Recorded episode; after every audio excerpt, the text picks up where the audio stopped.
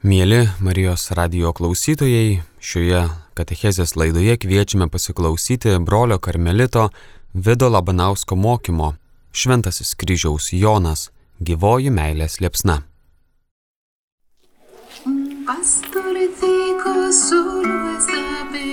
Piemenėlis vienas kenčia, malonumų džiaugsmų nepakenčia.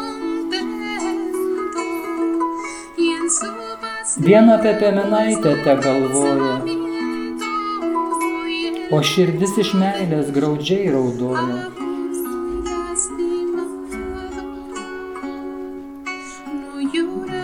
Neverkia dėl meilės sužeidimo, nors į pačią širdį sužeistas yra. Daugiau jis kenčia pagalvojus,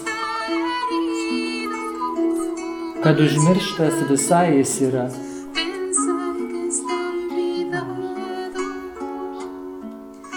Vien pagalvojus, kad užmirštas jis yra. Gražiosios piemenaitės su didžiu skausmu. Svetimoji žemė jo širdis sutinka, kad būtų nukankinta.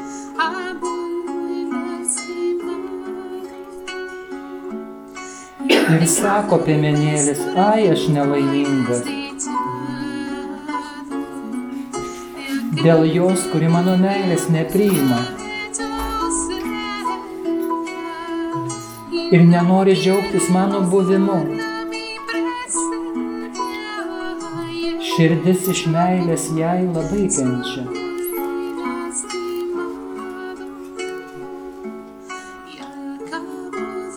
Pabaigoj po ilgo laiko užkopė. Ant medžio atidavė, atvėrė savo rankas gražias. Ir miręs pasilieka yra dėl jųjų. Širdis iš meilės labai kenčianti. Dabar pabandysime per tą valandėlę, kiek turime imti paskutinį jo kūrinį, kuris vadinasi Gyvoji meilės liepsna. Gyvoji meilės liepsna ir labai džiugu, kas tą knygą nusipirko, tai yra didelis džiaugsmas, ir čia galėsim daryti rekolekcijas vien su tuo kūriniu. Yra 46 puslapį visi keturi stulpeliai išversti. Ir kai jau pasakosiu, galima tiesiog net ir žiūrėti tuos stulpelius ir jau suprasti, nes jau yra išversta. Mūsų tokia vienuolė Jėva Marija yra Kalaoroje, tai jinai išvertė, aišku, neišvertė irgi labai tiksliai viskas pažodžiui. Nežinau, čia yra labai ta ritmas, kas poetai, va čia, kurie jau kūrė, tai jūs pajusite, ar čia yra pagal poezijos taisyklės ar ne. Taip, gyvoji meilės liepsna. Tai yra poema iš keturių posmelių, kai matome toje knygoje. Ir turėjo tris etapus. Gal aš jų dabar nevardinsiu dėl laiko stokos, tik tai sakysiu bendrą kūrinio schemą. Tokie keturi stulpeliai, ką čia reiškia. Visus tos keturis tulpelius, pavyzdžiui, prasideda, o meilės liepsna gyvoji, švelniai žaidžianti giliausiai mano sielos centrą. Tu jau nebesi atšiauri, tad atbaigiai jei nori, perplėški šio saldaus susitikimo šydą. Kai matome, yra ugnis ir ta ugnis eina per visus keturis tulpelius ir visus tulpelius ta ugnies simbolis vienyje. Pirmas tulpelė yra liepsna, antrame stulpelėje kaip švelnus prideginimas, trečiajame stulpelėje kaip žibintas šviesa ir šiluma, ir ketvirtame stulpelėje kaip meilės užsidegimas. Vienu žodžiu, visus keturis suvienyje. Na ir perskaitysime pirmą stulpelį, aš jau perskaičiau, tai gal dar kartą iš vieto perskaitysiu ir tada pakalbėsim, ką jis čia reiškia, ką kryžiaus Jonas, kokį turinį išreiškia. O meilės liepsna gyvoji, švelniai žaidžianti giliausiai mano sielos centrą. Tu jau nebesi atšiauri, tad atbaiki, jei nori, perplėški šio saldaus susitikimo šydą. Ir jisai padarė tokius laikus dabar, kas buvo praeitie ir kas bus ateityje. Ir tie laikai stulpelėse būna sumaišyti. Ir užtat kiekviena eilutė gali būti labai, kas nesupranta tos jos sistemos, suprasti. Viena eilutė gali būti iš dabarties, kita iš praeities, o kita eilutė gali būti, kas bus ateityje. Dabar, ką reiškia dabar? Šventosios dvasios šventė sielos giliausiame centre. Vadinasi, šventoji dvasia, jo yra paskutinis kūrinys, apie, kad šventoji dvasia jį tai palėtė ir jis jaučia, kad Dievas yra pačiame giliausiame jo širdies centre. Ir jis išreiškia tą šventę savo sielos. Ir jis išreiškia tokią dvigubą antropologiją. Labai gal moksliški žodžiai, kaip jums paaiškinti paprasčiau. Žmogus turi penkius pojūčius, ne? Antropologija. O dviguba antropologija sako, kad visi žmogaus pojūčiai turi antrą savo veido pusę - dvasinius pojūčius. Kaip yra palėtėjimas, gali būti dvasinis palėtėjimas, kaip antrajame stulpelėje prideginimas. Kaip yra matymas, yra dvasinis matymas širdimi. Kai yra girdėjimas, yra klausimas širdimi. Tai jisai tiesiog kalba, kad jo siela patiria tokio dvigubą antropologiją, kad yra tie pojūčiai, bet yra ir dvasiniai pojūčiai. Toliau kalba apie praeitį. Sako, Tu jau nebesi atšiauri apie liepsną, kai kalba, tu jau nebesi atšiauri. Liepsna buvo seniau atšiauri. Atsimenam, kaip kalbėjom apie naktį, ar ne? Ten atšiauri, nes tada kentėjo žmogus. Bet dabar jau tas galutinis jo etapas, paskutinis jo kūrinys susivienė su Dievu, jau nebesi atšiauri. Vadinasi, viskas susivienė su Dievu.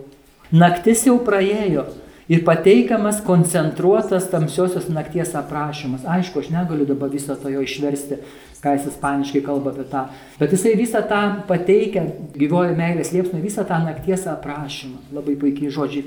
Panašiai kaip tamsioji naktyje, kai mokėmės, bet kitokiais žodžiais jau labiau sukoncentruota. Toliau kitos eilutės yra apie praeitį. Jau kalbėjau, sakiau, liepsna buvo čiauri seniau, naktis praėjo, Dabar koncentruota naktis aprašo. Ir daugiau jis kalba apie ateitį. Ateitis ta eskatologinė įtampa, ta įtampa jau ir dar ne, kur mes kalbėjom. Tai sako, tad atbaigi, jei nori, per plėškisio saldaus susitikimo šydą. Jis čia išreiškia tą nerimastingą viltį, kad šioje žemėje vis tiek tu nesusivieni su Dievu, kad jisai kažkaip išreiškia, kad tą tokią įtampą. Ir siela prašo užbaigimo šios kelionės. Tad atbaigi, jeigu nori, Na ir, ir toliau jis dar to komentuoja. Tai va čia pirmo stulpelio toks turinys. Dabar yra antras stulpelis, paklausykime jį vėl. Antras stulpelis, gyvos melės. O švelnus prideginime, o žaizda malonioji, o ranka lengvoji, o jautrusis prisilietime, paliekantis amžinojo gyvenimo skonį ir atlyginantis visas skolas, numarinės mirti, pavertė ją gyvybę. Ir vėl tas posmelis yra tokie laikai dabar ir ateitis, dabar ateitis ir ateitis, praeitis. Švenčiausias trejybės darbas. Kryžiaus Jonas kalba apie penkių tonų išaukštinimą. Ir kalba apie šventosios dvasios prideginimą. Dabar, kai mes verčiame į lietuvių kalbą poeziją, nu negalima išversti. Sako, jeigu tu verti, pavyzdžiui, iš lietuvių kalbos, nu negali išversti kitą kalbą poetų. Nes yra išdavystė. Tai pavyzdžiui, tame sulpelėje, ten yra toks žodis naudojamas prideginimas, yra kauterijo. Senovės chirurgai turėdavo tokį kaip skalperį, kuris būdavo įkaitinamas iki raudonumo ir žaizdą, kurie būdavo išpjaudavo. Ta ugnis pridegindavo žaizdą ir aplinkui ją apipjaudavo. Kaip kažkokie lietuokliai, bet senu neturėjo tai tokių skalperių, kauterijos. Jie sako, o švelnus prideginime. Tai vadinasi, kaip Dievo ranka, kaip koks instrumentas, kuris tave operuoja. Mes nežinome kaip, bet tai daro švelniai, ką mes nejaučiame. Tiesiog įsireiškia kažkoks prideginimas. Toliau kalba dar kokią išaukština, kaip prideginimo rezultatui prilygina perverimui, transverberacijon. Kai Teresė, žinot, vaizduojama, kai yra perdurima širdis su strėlė, ten angelas šauna. Tai dabar panašus patyrimas, jisai sako, kad žmogus yra perveriamas Dievo meilės, kaip su ta jėtimi perveria, yra visai normalus dalykas ir palieka rezultatus kūne. Pavyzdžiui, Teresė širdie, kur yra aviloje, kai jinai yra išjauta ta širdis, šventosios širdis tokiam relikvijariumi įdėta. Ir kas žino chirurgai, ką pasižiūri, oi, jinai turėjo infarktą, yra perdurta širdis. Tai sako, tai čia ne, čia Dievas negali taip daryti. Bet kai jinai patyrė tą Dievo perdurimą, jai kaip širdie pasidarė randas kaip po didžiulio infarkto. Jinai turėjo mirti, bet, ne, bet tas randas įvyko. Kūnas tikrai taip kenčia, kai per kokį infarktą perdurė širdį iš meilės Dievas, bet jinai nemirė, bet jinai yra paliesta. Užtat jis sako, aš mačiau angelą, kuris mane pervėrė ten. Ir va čia jis tame irgi, o švelnus prideginti, o žaizda malonioji, tas perverimas yra išlietas. Toliau išaukština, Dievas tai yra Tėvas ranka, sako, o ranka lengvoji, vadinasi, viešpas pats prie tavęs prisiliečia su ranka, Dievas tėvas. Ir sunus yra prilyginamas Jėzus Jautrusis prisilietime. Jėzus prisiliečia prie jo. Ir toliau kalba apie ateitį ir sako, kuris amžinąją gyvenimą žinai, kuris amžinai paliekantis amžinojo gyvenimo skonį ir atlyginantis visas skolas. Nes jau skola jau yra iš praeities, kad mūsų skolas, tą, ką mes esame padarę per visą gyvenimą, Dievas savo žvilgsnių sudegina. Ir ateitis yra jau viskas, mes jau viską esame skolos užmokėtos. Ir ta žaizda. Numarinės mirti pavertė ją gyvybę. Mes nebemirštame, mes susivienime su Dievu. Praeitis skola yra užmokėta, naujas tamsiosios nakties aprašymas. Aišku, nekalbėčiau, jisai ten keturis punktus aprašo, ten, tą sutelę apie tą tamsią naktį vėl. Bet dabar, kodėl tiek mažai žmonių tai pasiekia? Ir tai reikėtų skaityti vėl ten keturis punktus. Todėl, kad, kaip jau minėjau, kad mes užmirštame, kaip tas pastorciko yra. Dievo meilė, Dievo meilė mums visą laiką atsukta, bet mes visą laiką užmirštame, kad tas piemenėlis mums taip myli, kad jisai atsidavė ant kryžiaus ir ką.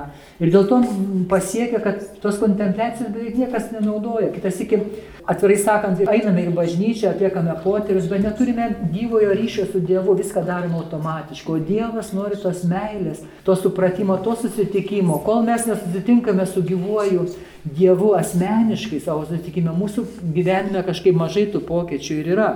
Kodėl tiek mažai žmonių tai pasiekia? Dabartis ir ateitis kalba tame stulpelėje.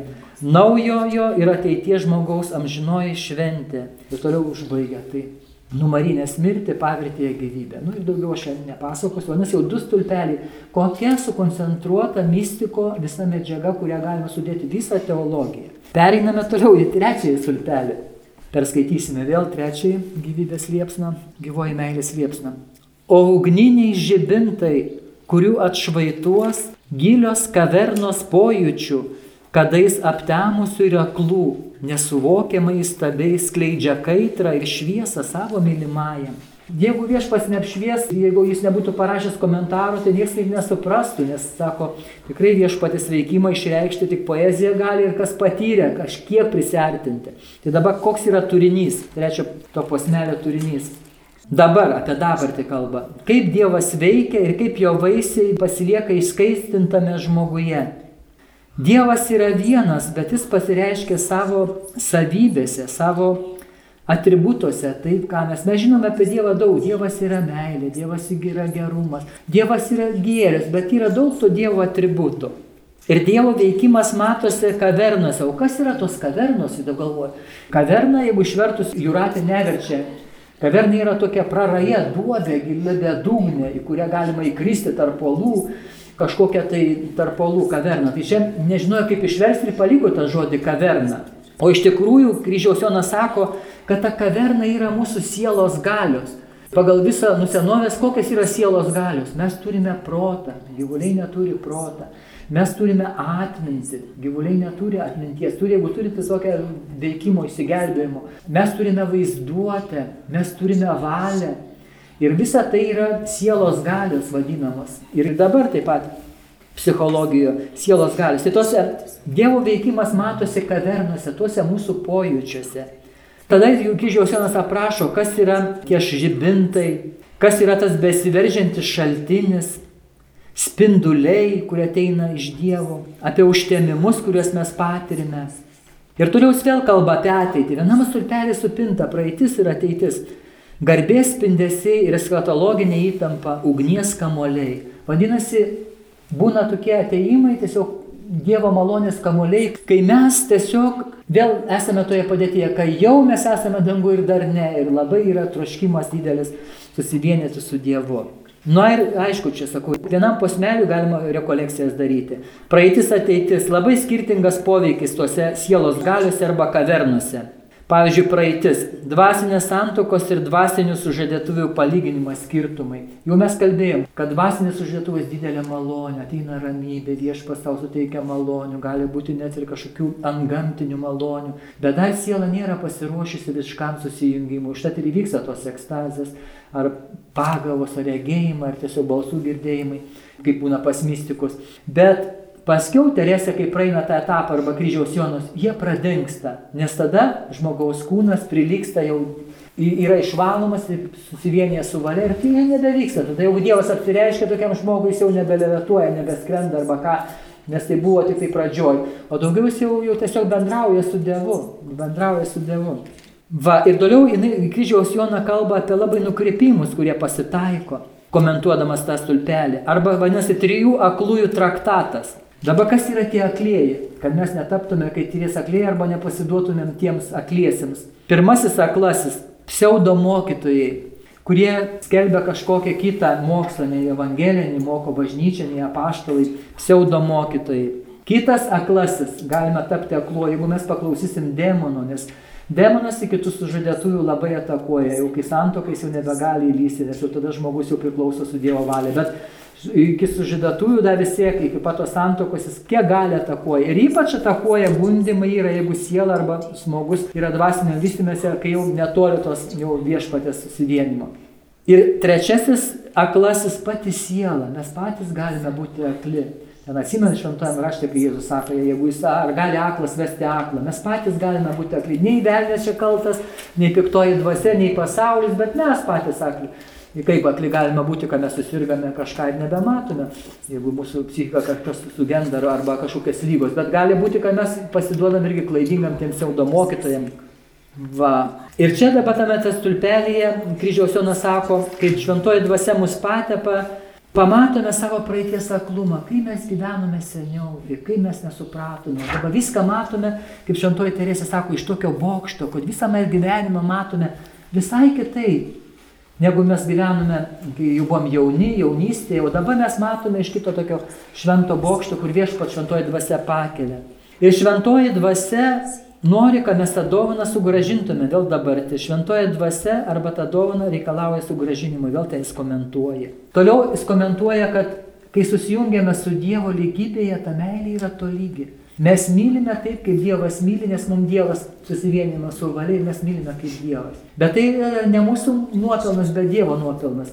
Ir kai mes susivienėme, kryžiaus Jonas irgi aiškina, kad mes neprarandame savo asmens tapatybės. Budistai, hinduistai sako, o ten medituok širim, širim, šaram, šaram, arba ten kokią nors kitą ten mantrą. Ir tu susivieni su absoliutu, ir tavęs nebeliks, ir tu būsi absoliutai, būsi laimingas, bet tu tavęs nebebus. Čia ne taip. Dievas tave gerbė, tu susivieni toks, koks tu esi. Tai yra krikščioniškas tikras tikėjimas, kad tu nepradingsi meilės tolygumas, lygybė ir tu įsaugai savo individualybę, savo asmenybę. Ir dar kryžiaus Jonas apie tame stulpelėje kalba apie primorės, kaip išversti yra labai sunku. Kad patiriam tokią patirtis, kas yra primorės, tai skolinys iš lotynų kalbos. Primorės tai daiktai, dalykai pirmosios klasės. Ir reiškia subtilius, delikačius dalykus. Pavyzdžiui, subtilumas, sugebėjimas daryti ar pasakyti dalykus nuostabiai. Daiktas labai nuostabus, gražus, gražus. Taikomas tam, kas yra labai gražu, mums atneša švelnius jausmus. Tai va, jis tiesiog kalba apie patirtį, kad tokie primorės, tiesiog tu patiri tokius dalykus subtilius, kurių tu neįmanoma tiesiog apraškyti. Na aišku, Ir daugiau aprašo ten skirtingų primorės, ten aš jau nebekalbėsiu. Tai čia trečiasis stulpelis. Ir štai paskutinis stulpelis, skaityk visą kūrinį per jiem, kurį galima mėnesį būtų studijuoti, vien tos traktatus. Paskaitysime patį paskutinis jo posmelį poeziją. Kaip romiai ir meilingai atsibundi manojo širdį, kurios slaptoje vienintelis tu gyveni ir gardžių kvėpsnių, sklydinų gėrio ir šlovės kaip jautriai mani įžiebi meilę. Viskas. Keturi posmeliai sukoncentruotai. Ką sako dabar jisai, ką čia jis paaiškina? Dabartis ateitis, ką kalba? Susitikimo su Dievu poveikis pažinimui. Mūsų atmintis keičiasi. Mūsų atmintis yra gydo, tiesiog atmintis yra gydoma, gydoma tikėjimu. Dievo buvimas anksčiau paslėptas, dabar aiškus, šviesus ir skaidrus. Ir dabartis vėl apie dabartį kalba. Toks Dievo aiškumas, skaidrumas yra galimas dėl dviejų motyvų. Na, nu, aišku, aš neįsistudijau, dar tos motyvus nespėjau parašyti. Bet dabar Dievo buvimas sielo yra skirtingas. Dar vienas nustabus efektas arba poveikis - viltingas troškimas pamatyti galutinai viešpatį. Va, ir mūsų tavo, ką aš pateikiau tą schemą apie gyvąją meilės liepsną, suvienyje tą kūrinio skirtingą medžiagą. Jeigu aš to būčiau nepasakęs, Nu, jeigu šito, nu, nikaip, jis pats pasakė tą schemą, kaip jisai tenai kūrė. Bet jeigu tą kūrinį, kaip poetai ar kaip paprasti skaitytojai skaitytumėt ir medituotumėm, jum kalbėtų vėl kitaip. Ir va dabar turime tos keturis posmelius ir tiesiog kiekvienas gali patirti savo, savo prisilietimą. O netikintis irgi kažką skaitant irgi gali patirti, nes poezija yra nuostabus dalykas. Aišku, nėra šventas raštas, tai šventas raštas yra Dievo žodis. Bet tai irgi šventoji dvasia įkvėpia jį parašyti tame kalėjime tos, tos eilėraščius. Ir dar nepasakiau, kad šventasis kryžiaus Jonas vienintelis pasaulyje, gal dar arabas kažkoks mystikas buvo, kuris savo mokymą grindžia poeziją ir paskui aiškina. Ir tas mokymas paliečia labai žmonių širdis, nes jeigu tu grindi savo mokymą poeziją, tokių mokytojų nėra, vienintelis taip sakoma. Gal apsirinkų pasaulyje reikėtų patirinėti. Mūsų pateikta schema suvienyje kūrinio skirtingą medžią, kuri atrodo chaotiška ir gražioje netvarkoje, bet yra taip arti mūsų gyvenimų, jie arti prie poezijos pasaulio. Jeigu skaitysime kūrinį įdėmiai ir sistematiškai, jūs galėtume atrasti kitas loginės schemas. Štai dabar, čia ką pasakiau, galvoju, nu Dieve, ką aš čia kalbu, mums jau galvas skauda. Kūrinio pagrindinė mintis, ką jis norėjo išreikšti, kaip jis sako. Kryžiaus Jonas čia kalba apie tobuliausio laipsnio meilę, kurią siela pasiekia transformacijoje susivienime su Dievu. Tai yra vienos meilės istorijos pabaiga. Visi jo kūriniai, ką ten rašė, tai yra pats paskutinis. Jis tai patvarko tą eilėraštį tris mėnesių prieš mirtį ar du mėnesių iki lieka. Jisai tą eilėraštį sutvarko prieš mirdamas jau. Tai jau paskutinis jo kūrinys. Kūrinėje pasirodo veikėjai, švenčiausia trejybė, ypač šventoji dvasia, kai minėjau, kiekvienam stulpelį yra ugnies įvaizdis, vadinasi, veikia šventoji dvasia ir žmogaus siela, žmogus paveiktas Dievo meilės ir jos sužavėtas. Ir tas kūrinys skirtas gėdoti, aprašyti, paaiškinti, išprovokuoti, patirti šį meilės nuotykį. Jis parašė tą eilėraštį, kad jum išprovokuoti, ką mane išprovokuoti, kad mes patirtumėm taip pat Dievo meilę. Nes Visa patirtis tai yra visiems, ne vien tik kryžiaus Jonui. Dabar kokios temas paliečiamas, labai irgi labai, nu, vėl mes sakysim, kas tik kartuoju, bet labai gerai, sako, kartojimas yra išmokimo motino, mes vis tiek gal kaip užtarėjau bendruomenė gaus informaciją. Kalba apie žmogų, žmogaus mokslas vadinasi antropologija. Ir jisai pateikia geriausius pasaulyje žmogaus vidinius patyrimus. Net psichologai taip neįeina, kaip jį šventoji dvasia apsiantė. Naujojo žmogaus vidinis pasaulis, koks yra. Žmogaus giliausiame sielos centre kontempliuojamas viešpas radikaliai išgydo žmogų. Šiandien bus mūsų išgydymo pamaldos. Mes paprašysim, kad viešpas irgi mums radikaliai pagydytų visus. Kuris patiria maksimalę dievišką meilę ir jėgą. Ir žinome iš kryžiaus Jono, kad po nakties seka naujojo žmogaus aušra. Šventoji dvasia visiškai pakeičia naujojo žmogaus sielos jėgas. Pažinime, mūsų pažinimas keičia, mes labiau pažįstame Dievą. Troškimuose mes tik tai troškome tai, kas dieviška. Ir viltyje mes žinome, kad mes esame šviesos vaikai kad mes einame pas Dievą. Toliau jis kalba vėl, gal čia jums biški baisu bus, čia, nes mums bažnyčiai gazdinama, sako, skaistyklą kiti nenori kalbėti, jis kalba eskatologinius dalykus, pabaigos dalykus, kalba kryžiaus Jonas apie skaistyklą, kalba apie mirtį, garbė ir garbinimas, glorija ir glorifikacijonis paniškai. Jis pasiekė tokios mistinės bedugnės ribas, todėl jo patirtis leidžia daug pasakyti tom temom. Ir sako kryžiaus Jonas, kad skaistykla prie mūsų prisartina anksčiau nei mirtis. Nes jau žemėje esame skaistinami ir valomi. Skaistinimas mūsų gyvenimuose yra panašus į skaistinimą po mirties. Abu skaistinimai yra panašus ir kokybė, ir kiekybė. Toliau apie mirtį apsimarinimą, kai kalba. Mirtis apsimarinimas irgi jam labai gera tema. Jisai sako, mirti iš meilės, taip Kai kurie tikintieji idealizavo labai mirti kaip Kristus, va, mirė ant kryžiaus už mane, o aš mirsiu dėl Dievo, reikia mirti dėl, dėl Dievo. Bet taip ir svajoja, kalba, kalba ir niekada nemiršta, laukia, kada bus tas momentas, kai nukirs galvą ar taps kokiu kankiniu arba ką nors. O kryžiaus Jonas sako, ne, jis nesusikoncentruoja, tas gerbė, kad Jėzus mirė ant kryžiaus už mum paukoja. Bet jisai sako, reikia mirti kasdien, va tas yra pats sunkiausias dalykas.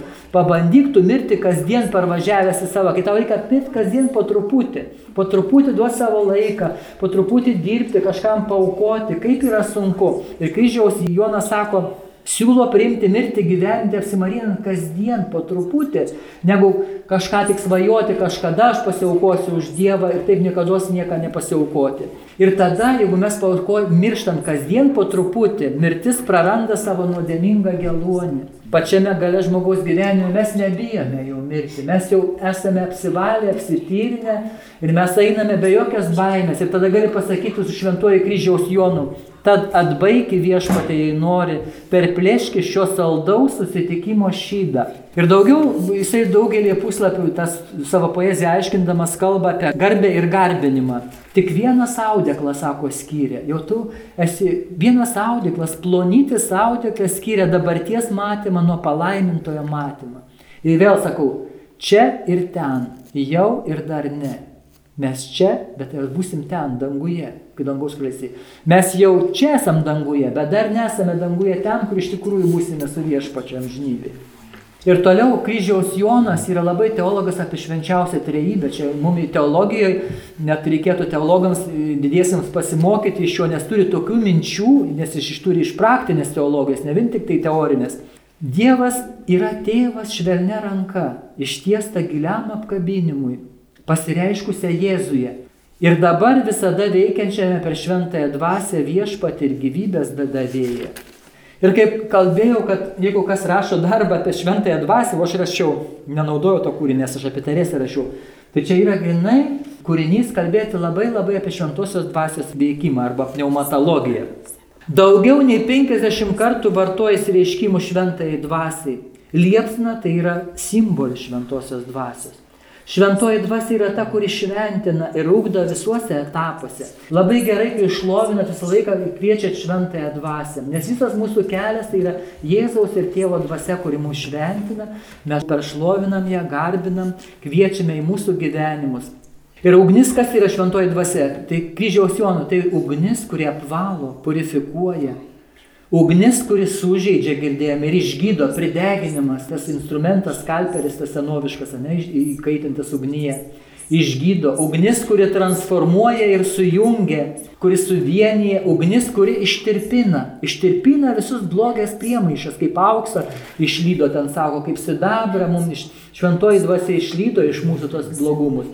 Ir teikia malonę, dvasinį malonumą.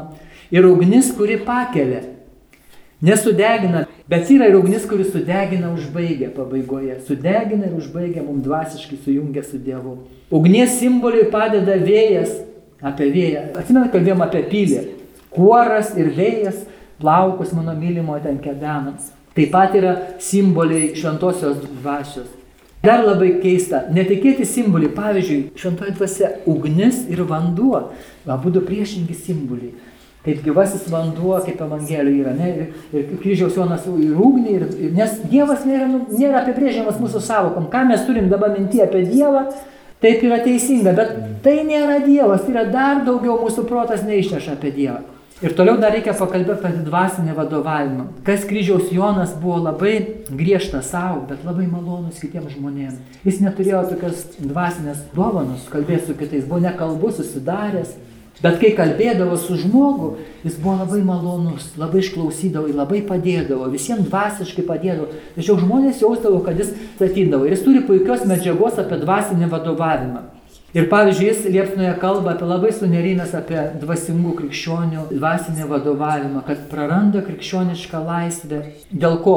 Nes buvo labai griežta hierarchinė valdžia Buvo inkvizicija, jeigu kas nukrypdavo, nes vyko karai su protestantais. Tik kas apie šventąją dvasę, kas nors pakalba, ką man Dievas kalba ar ką, labai buvo griežta tokia tvarka. Dėl griežtos hierarchinės asmenų ir institucijų kontrolės, ką labai kiekvienas buvo kontroliuojamas. Šventoji Ceresė, žinom, buvo apskusta inkvizicijai ir kryžiaus Jonas irgi jau buvo ten įtartinas, nes nu tokie dvasingi žmonės, kurie, jeigu žinote, giesmių giesmę, ką sakiau, kad labai gražiai, vienas vienuolis parašė komentarą ispanų kalboje apie giesmių giesmę ir pasodino į kalėjimą, nes nebuvo galima iš lotynų kalbos versti, kad paprasti žmonės neskaitytų, nes čia erotinė literatūra, skaitasi, jie nieko nesupras. Ir pasodino vienuolį į kalėjimą. Buvo labai griežta hierarchinė tuo metu 16 amžiuje, nes vyko tie religiniai karai Jisai labai sunerimęs dėl to ir sako, kad labai yra sunku, bet jis patarė, kurie nori sekti šventosios dvasios veikimą, reikia būti nuolankiais, nesipriešinti karu kaip protestantai, kad su kardais ten priešintis, ne ten, ten popiežius blogas, ar ta, jis sako, ne, turime būti nuolankiais, kad pasiektų tiek, kiek pajėgia ir nedaugiau. Vadinasi, Tu prašai, bet neini į karą, nes Dievas sako, kas pakels kardą, tas nuo kardo išžus, tu meilė ir nuolankumu turi. Jis grinai moka pagal Evangeliją ir prašo dvasininkus ir kas vadovauja sieloms, kad jie pasiruoštų tam darbui, kad turėtų jautrumą, supratimą, patirtį, nusižeminimą ir mokslą. Tai va irgi, ir jisai yra šventosios Teresės kaip dvasinis vadovas. Jie įdomu šventieji. Teresė buvo dvasinis vadovas kryžiaus Jonui, o kryžiaus Jonas jai. Ir abu šventieji bažnyčios mokytojai vienas kitam buvo kaip dvasiniai vadovai. Jis kaip jezuitas irgi sako, reikia išmokti atpažinti dvasias, iš kokių dvasių mums ateina tie paraginimai, kurias mes gyvename, ne? Nes tai yra pagrindinis darbas. Ir tas dvasinis palidėtojas jį turi atpažinti. Ir tas, kurį pasieteina, būdų turi atpažinti, iš kokių dvasių, kas kokios ateina. Dvasios vadovas būtinai turėtų dvasinio vadovavimo jausmą. Jausmą charizmą. Na ir užbaiga. Dabar ką galim pasakyti apie tą eilėraštį, kuris tik keturi posmeliai, bet komentaro aišku daugiau. Tai yra paskutinė kryžiaus Jono knyga, tiesiog kaip atsisveikinimas, kaimelės himnas, giesmė Dievui. Ir patirties tiek daug, ir visa patirtis pateikta teologijos perspektyvoje, nes jis buvo kunigas, jisai mokėsi teologiją ir viską pateikė nepriekaištingai, net jeigu jį paskelbė šventuoju, vadinasi, teologija nėra jokios klaidelės ir tinka bažnyčiai mokymui. Labai didelį dėmesį skiria vilties darybei. Čia gal neužtruksim apie vilties, bet mūsų atmintis, mūsų visos e, tos yra gydoma, mūsų visa siela yra gydoma viltimi. Viltis tai yra labai yra naudingas. Ir kryžiaus Jonas taip pat yra, kad su viltimi yra gydoma mūsų praeitis. Kaip? Kaip ir Marcelinas sakydavo, viešpačių nėra laiko. Yra amžinai dabar. Viešpats yra dabar su mumis. Ir jisai mūsų žaizdos, kur patirtos, ar prieš mūsų gimstant, ar motinos išėjus, ar mūsų gyvenime jaunystė, ar iki dabar, ar tik vakar, už vakar patirtos, Jėzui nėra problemų. Viltimi, nes jis mirė už mūsų, mes esame išgydyti jo žaizdomis. Jis gali, jeigu mes melždėmės per adoraciją, prašyti Jėzau, nueik į mano žaizdas, nueik į mano gyvenimo situacijas, kai aš buvau net kalpas mamytė iššiose, kai aš buvau gimstant, ar aš kai buvau vaikas, berniukas, mergaitė, kai aš buvau sužeistas ar paliktas, ar aš man skaudu, ar gal aš sužeidžiau kažkokius žmonės, ar jie mane sužeidė. Jėzau, tu nueik, aš turiu viltį tavyje. Viltis gydo ir Jėzus nueina ir keliauja, nes jam nėra neįmanomų dalykų. Užgydo tas žaizdas ir mes nebepatirėm tų pasiekmių, kurie yra pasislėpę mūsų pasąmonėje. Tai va, ir kryžiaus Joną, jeigu taip skaitytumėme įdėmį apie viltį, tai kažką taip ir rastume. Jei norime tobulėti žemėje, mes tamsiųjų naktų neišvengsime, jeigu norime tobulėti žemėje. O jeigu mes žemėje išvengsime tamsiųjų naktų, tai galbūt prieš pat mirtį turėsime tamsią naktį arba kas, nes, esu, nes vis tiek tamsios naktis reikalingos mums susivienyti, kad mes nebijotumėm to veikimo. Nes tie, kurie nežino, pavyzdžiui, bet ir sako, tai netikinčiam, nu įsitikė, kad kažkas yra, ne? Ir sako, jeigu tu mirsi, Dievas geras tave myli, tu nebijok Dievo. Jeigu tu mirsi, tu eik į šviesą, nes tave myli, tu atsiprašyk Dievui ir eik į šviesą. Bet tie, kurie netiki, jie gal jie pamatys gal šviesą, jie įsitamsa, nes jie bijo šviesos. Štai labai reikia kalbėti apie dieviškus dalykus, evangelizuoti žmonės, nes ir kryžiaus Jonas tą ir daro. Tik Dievo šventoji dvasia gali padėti žmogui mylėti ir savo žmogiškų galimybių.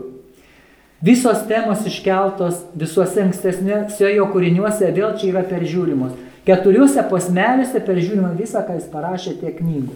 Tiesiog jisai viską kalba. Žmogus viršyje patį save šventosios dvasios malonėje.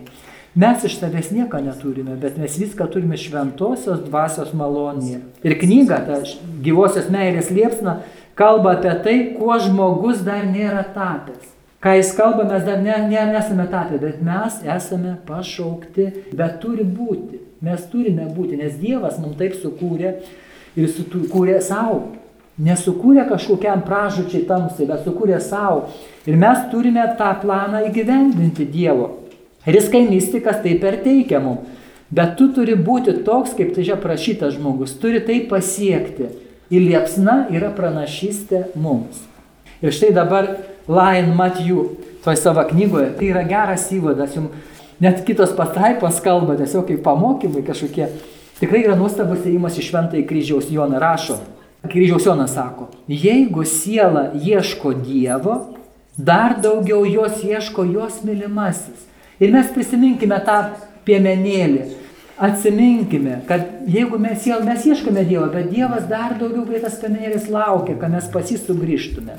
Ir sako Lain Matijų, gal porą citatų iš jo, nes viską norėjau papildyti jį, bet įeik į savo vidų ir darbuokis su žadėtiniu, kuris visada yra su tavimi, čia kryžiaus jonas sako, ir labai tave myli akivaizdoje. Čia Lain Matijų pasako 89 šviesos ir meilės posakį.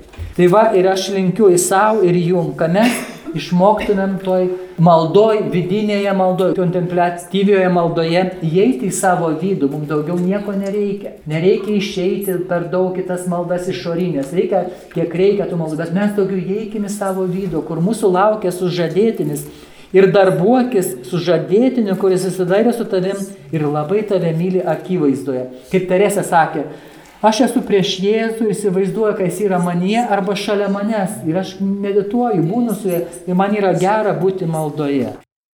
Mėly Marijos radio klausytojai, jūs šioje laidoje girdėjote broli karmelitą Vida Labanauską, kuris kalbėjo tema Šventasis kryžiaus Jonas - gyvoji meilės liepsna.